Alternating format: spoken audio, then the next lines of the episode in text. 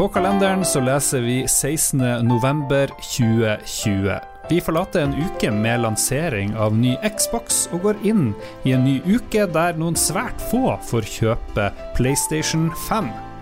Det er høy feber i spillbransjen for tida, og Spillrevyen er som vanlig til stede for å ta puls og temperatur på det som skjer. Og hvordan er pulsen din i denne spillhøsten, Jon Cato?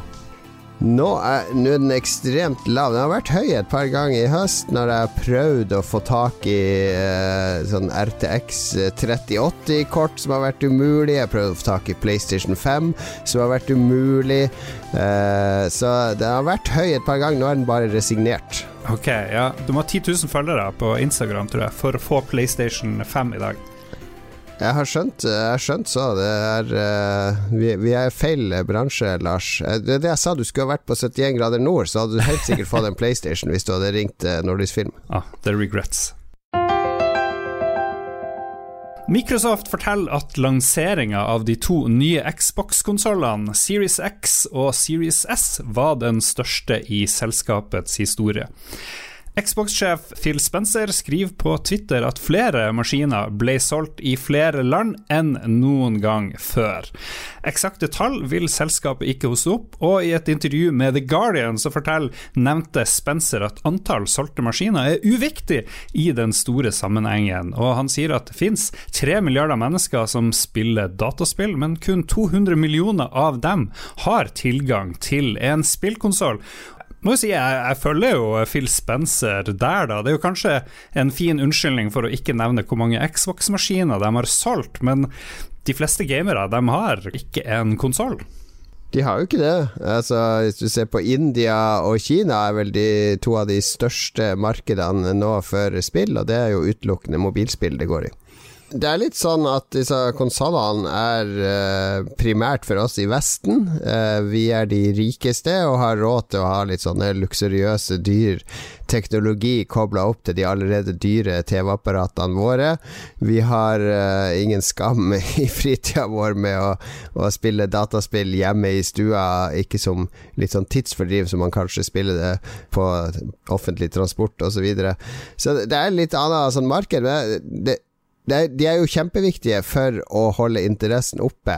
Altså har jo Microsoft har jo sånn S i ermet her, med dette eh, GamePass-greia og disse streametjenestene. Altså, du kan jo streame alt på Xbox på en mobilskjerm eller en uh, tablet eller en hvilken som helst skjerm, egentlig. Sånn at uh, Spencer han har nok øynene på disse tre milliarder menneskene som kanskje kjøper seg Xbox GamePass, selv om de ikke har en Xbox, men likevel har muligheten til å spille Xbox-spill direkte på en skjerm i nær fremtid. I forrige uke kom spillet Assassin's Creed Valhalla, der deler av handlinga er lagt til Norge, og historien den finner inspirasjon i norrøn mytologi. Et fun fact er at utgiver Ubisoft tabba seg ut med den norske prisen på PC-versjonen i sin egen nettbutikk. Der skulle nemlig Ultimate Edition koste 119,99 euro, men prisen ble i stedet satt til 199,99 ,99 norske kroner dagen før lanseringa. Feilen ble retta opp etter noen timer, men ryktet spredde seg raskt, og mange her til lands, eh, jeg tror kanskje også du, Katta, jeg vet ikke, fikk altså vikingrabatt. Eh, fikk du rabatt? Lasta det først? Ja da, den var på 119,99 norske kroner, så det var hele 91% billigere enn hva Ultimate Edition skulle koste. Ok, uh, Har du dårlig samvittighet? Overhodet ikke. I tillegg så er det kommet frem at en rekke norske skuespillere har bidratt med stemmene sine i spillet, deriblant Jeppe Beck Laursen. Og jeg snakka med Jeppe om hva han synes om Assassin's Creed Valhalla, hvordan han fikk jobben, og mye mer. Første gang jeg hørte om det, var jo for halvannet år siden. Over halvannet år siden. Så jeg har jo nerdgass meg i halvannet år. Jeg har ikke fått lov til å si det til noen, ikke sant. Men um Men eh, nei, jeg fikk, eh, fikk, beskjed fra managerne mine om at eh, et prosjekt med et tullenavn ville prøve meg til noe. Hva var det det tullenavnet var? Jeg vet ikke om jeg kan si det. Jeg kan sikkert si det. Kingdoms var det ene tullenavnet, i hvert fall. og så, så ble jeg litt sånn Ja, jo, klart, hva er det for noe? Så fikk jeg noe tekst og skulle gjøre en self-tape, og så ble jeg sånn Hva er dette her egentlig for noe? Så de prøver å forske litt på det. Så prøver jeg liksom å piece the pieces back together. da Litt sånn ok, casteren har uh, casta til det og det. Å ja, hun har casta til Black Flag og Odyssey. Jøss. Yes. Og uh, de som vil ha meg inn, er en developer i Montreal. Hm, det må bare enten være Ubisoft eller Rockstar, det. Ja. Så det var litt sånn så jeg sendte den teipen, og så likte de den, og så ville de ha meg over på en audition i London, så jeg gjorde det. Jeg dro til London og møtte tre av regissørene. Møtte Darby McDevitt, som har skrevet hele greia. Blant Ja, annet. ja. Han har vi hatt som gjest allerede. Har du det? Ja, ja. Faen, han er så kul fyr, ass. Han er så bra mann. Um, og skriver så mye kult. Uh, men det, den auditionen der jeg tror jeg er noe av det mest surrealistiske jeg har vært med på. Fordi jeg holder på med en uh, Netflix-serie som heter The Last Kingdom. Ja. En vikingserie. Og det viser seg da de er jo kjempefan av den serien, for de har selvfølgelig sett seg opp på det meste av vikingting eh, de siste fire-fem åra, selvfølgelig. ja, men kodeordet på- 'Kingdom' det ligner jo veldig på det du har allerede Absolutt, spilt i fire absolutt. sesonger eller noe sånt. Og jeg var dritnervøs. Herregud. Så det er ikke som å komme på audition her i Norge, hvor det er én person i rommet sammen med deg. Her var, det, her var vi sju stykker i det lille rommet.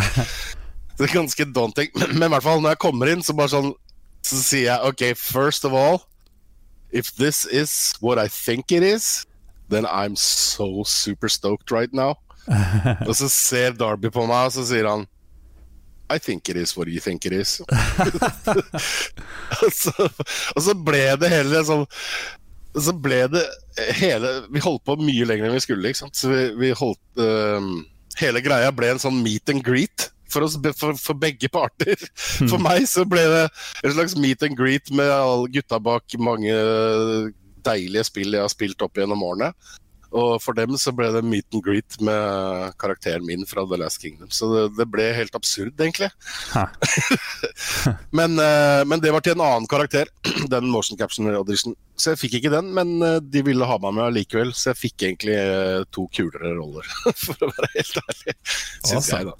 Han uh, McDevitt der, han virker å være ganske utsjekka på vikinghistorie. Jeg vet ikke, Mhm. det, hvor, hvor flink har du blitt på akkurat sånne ting etter 18 år eh, som viking nå? Jeg vil si at det har um, frisket opp eh, ting jeg lærte på skolen, i hvert fall. Ja, ja, ja.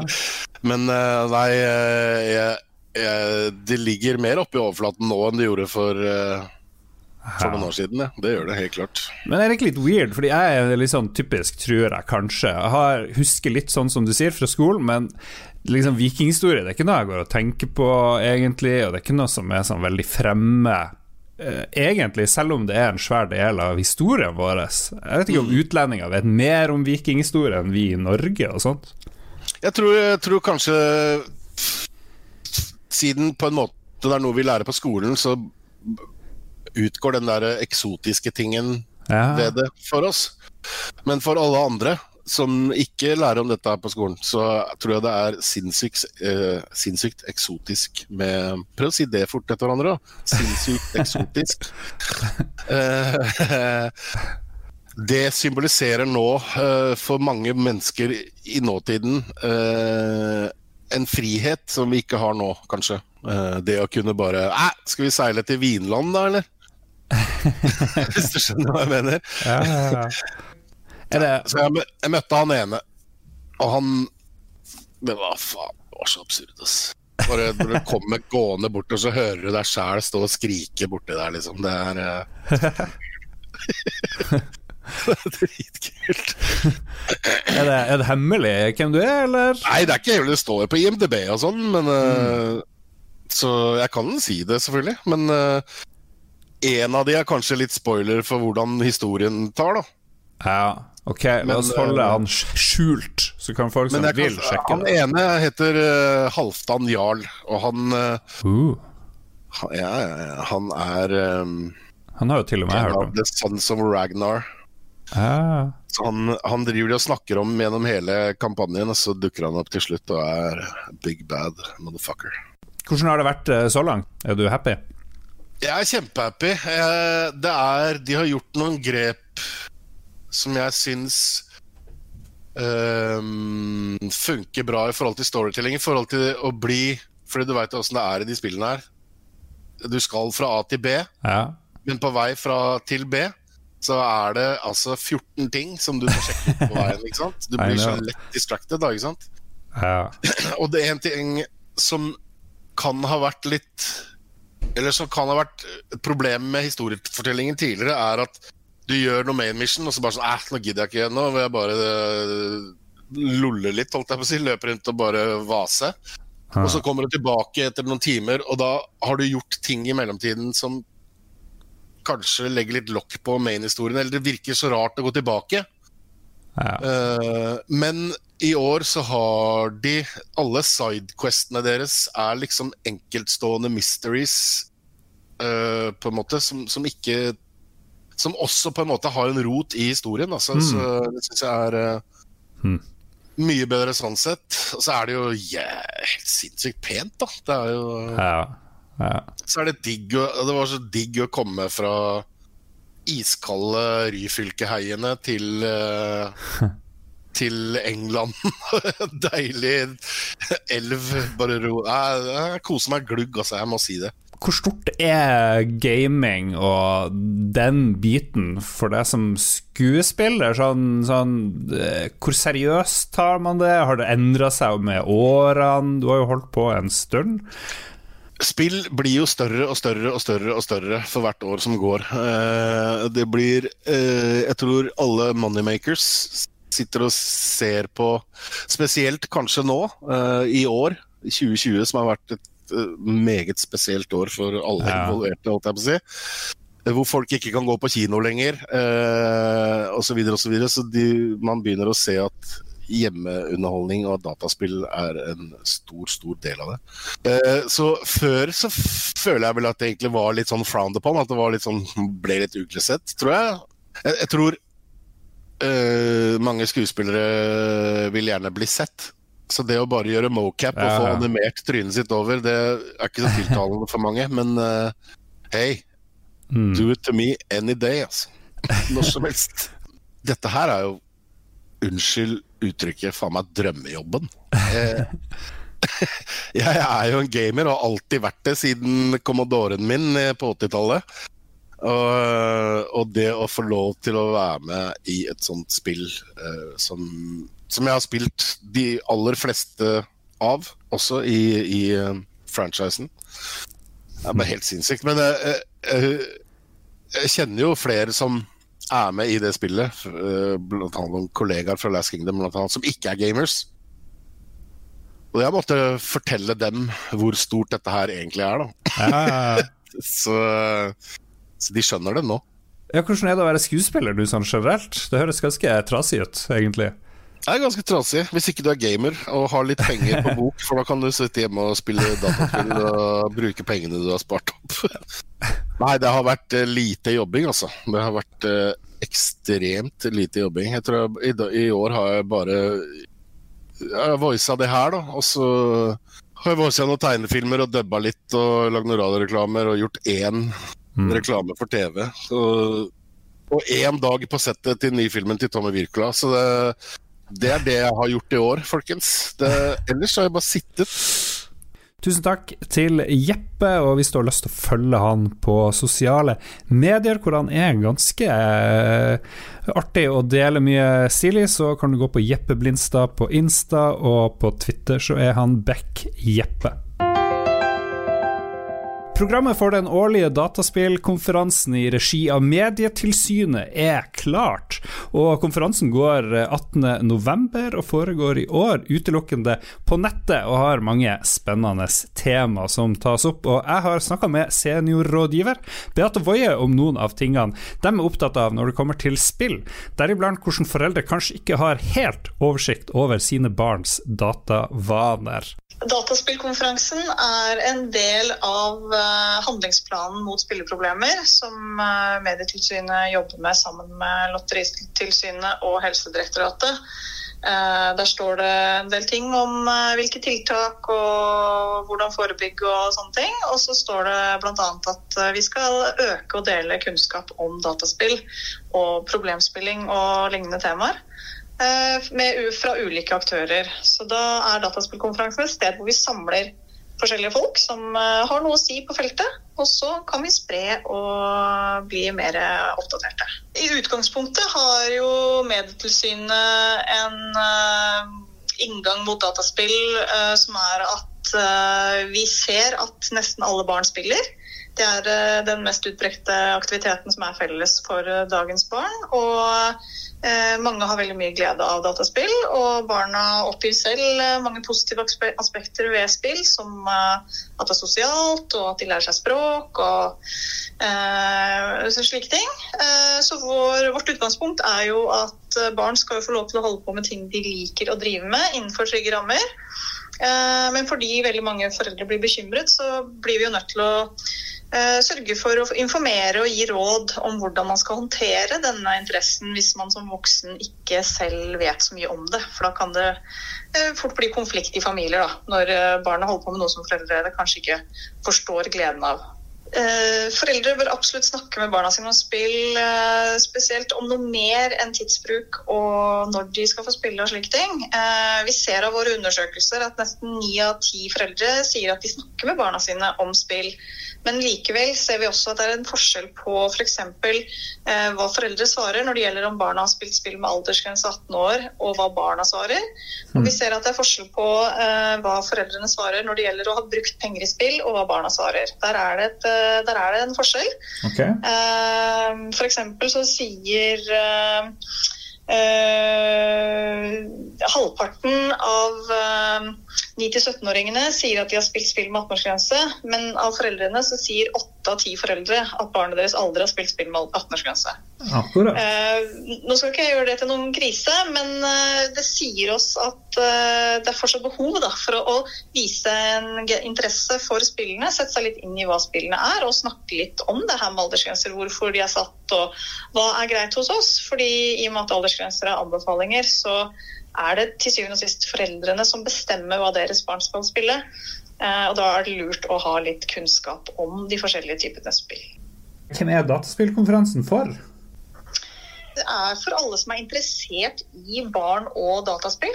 Eh, noen vil ha det som utgangspunkt eh, hvordan skal man gjøre det med skole og dataspill. andre vil tenke på hva gjør vi med de hardest ramma det vi kaller problemspillerne, som kanskje slutter på skolen og sitter hjemme og spiller. Uh, og hva vet vi, hva sier forskningen om hvordan barna våre påvirkes av dataspill. Så uh, vi prøver å, å, gi litt forskjellige innblikk i, uh, på forskjellige felt. Men eh, vi tenker at det er ganske, en ganske stor målgruppe som vil være interessert i eh, si, grunnbudskapet. Da. Vi kommer til å ha et forskningsprosjekt som har gått på det kommersielle innholdet i spill, og hvordan barn og unge oppfatter eh, de kommersielle kreftene i spillene de spiller. Og vi har invitert spillpedagogene for å fortelle om hvordan de mener dataspill kan brukes i skolen. For vi ser jo at det er flere og flere som ser muligheten for å bruke spill til mange forskjellige ting, og ikke bare å spille hjemme. Eh, når det gjelder de som, er, som isolerer seg gjennom gaming, så har vi jo da fått inn gamingkontakten for å snakke om hvordan de jobber med gaming som verktøy når de skal hjelpe de som, som har falt litt utenfor de vanlige rammene når det gjelder å gå på skole og sånne ting. Jo Cato, Medietilsynet er opptatt av dataspill. Er spillbransjen opptatt av at vi skal ha et medietilsyn som er opptatt av dataspill? Det er veldig få norske spillselskaper som uh, følger veldig med på hva Medietilsynet gjør egentlig. Det er liksom PG som er den største effekten som Medietilsynet uh, har vært med å innføre i Norge. Uh, og så husker jeg, jeg var jo konferansier på en av disse dataspilldagene de har, dataspillkonferansen, et år. Og da, da, husker jeg at Jørgen Taraldsen fra Megapop var inne og liksom forsvarte lootbox-mekanikken fordi hans selskap var vel det eneste i Norge som drev med noe lignende det, og utdypa og, og, og forklarte litt. Og jeg syns de er ganske villige til å høre på ulike synspunkter. Altså, det er ikke sånn at de er Uh, mange tenker kanskje at de er litt sånn der uh, utdaterte uh, kulturprofessorer eller noe sånt, som sitter og rynker på nesa og fnyser av dataspill, men de er oppriktig nysgjerrig på mediet, og selvfølgelig nysgjerrig på mulige negative effekter av spillmediet. Nå har vi hørt Beate Woie snakke om programmet. Er det noen andre ting Medietilsynet bør ta opp rundt dataspill, syns du? Jeg syns kanskje det bør gjøres noe forskning og undersøkelser på for en positiv effekt dataspill har akkurat nå for barn og unge, spesielt nå under korona. Eh, fordi, nå snakker jeg utelukkende av min egen empiriske eh, erfaring her, men for mine barn, når vi var i lockdown og nå i ettertid, sånn som det er nå i Oslo, der man skal være minst mulig ute, og der fritidsaktiviteter er redusert og sånn, så er dataspillene en arena der de de sosialiserer med vennene sine eh, på mange ulike vis. Ja, Vi hører en ungen din hyle og skrike online akkurat Ja, han sitter og sosialiserer i bakgrunnen nå. For meg så er den der eh, Før så var det sånn at eh, det å, å spille med andre på nett for barn, det er liksom en sånn mindreverdig samvær med vennene. Det er en nødløsning. Det optimale er at de skal gå ut i skogen sammen uh, og finne på noe fysisk. Uh, jeg er for så vidt enig i det fortsatt, men jeg syns også at man kan være litt mer uh, raus med at dataspill faktisk har hjulpet barn og unge, og ungdommer og studenter i dag, som nå sitter med fjernundervisning hjemme på hyblene sine at dataspill kan være en god hjelp for de. Aksel Hennie snakka en del om dette på uh, Senkveld, faktisk, for han er jo en ivrig dataspiller, om hvordan menn klarer å snakke føl om følelsene sine når de sitter og chatter med andre i dataspill, på en annen måte enn en, uh, eh, hvis de skal oppsøke hjelp. All right. Dataspillkonferansen starter 18.11. Du går på medietilsynet.no, hvor du kommer gratis inn på alt som skjer. Spillanseringen denne uka, Jon Cato. I forrige uke så var det en lang, lang liste. Jeg vet ikke om den er like stor denne uka. Nå har det roa seg ned. Uh, det er nye konsollanseringer og alt var det forrige uke. Uh, I hvert fall i USA kom begge de to nye konsollene. Denne uka kommer jo selvfølgelig PlayStation 5 i Norge, som er kanskje den største lanseringa denne uka, til de heldige få som bestilte i det minuttet den ble lagt ut for salg i april, omtrent. Det er en vanskelig maskin å få tak i. Uh, herregud. Ja, jeg trodde jeg var sikker, og så fikk jeg den der mailen fra Komplett, som mange andre fikk. Det er likevel, kan vi opplyse om, noen sjanser til å få tak i den denne uka, for de som ikke har forhåndsbestilt. Jeg vet at både Coop og Elkjøp kommer til å legge ut et lite antall maskiner til salg på lanseringsdagen. Og jeg har også hørt rykter om at platekompaniet kanskje er et sted man kan få tak i maskinen. Ok, Nå gjorde du det enda vanskeligere for meg og deg å få maskin, men alt for lytterne. Du kan bare legge på Du kan bare pipe ut eh, når jeg sier navnet på de butikkene. Ja, god idé. Vi får se om jeg husker det. All right. Men vi skal se på lanseringen. Spill, Et spill, ja.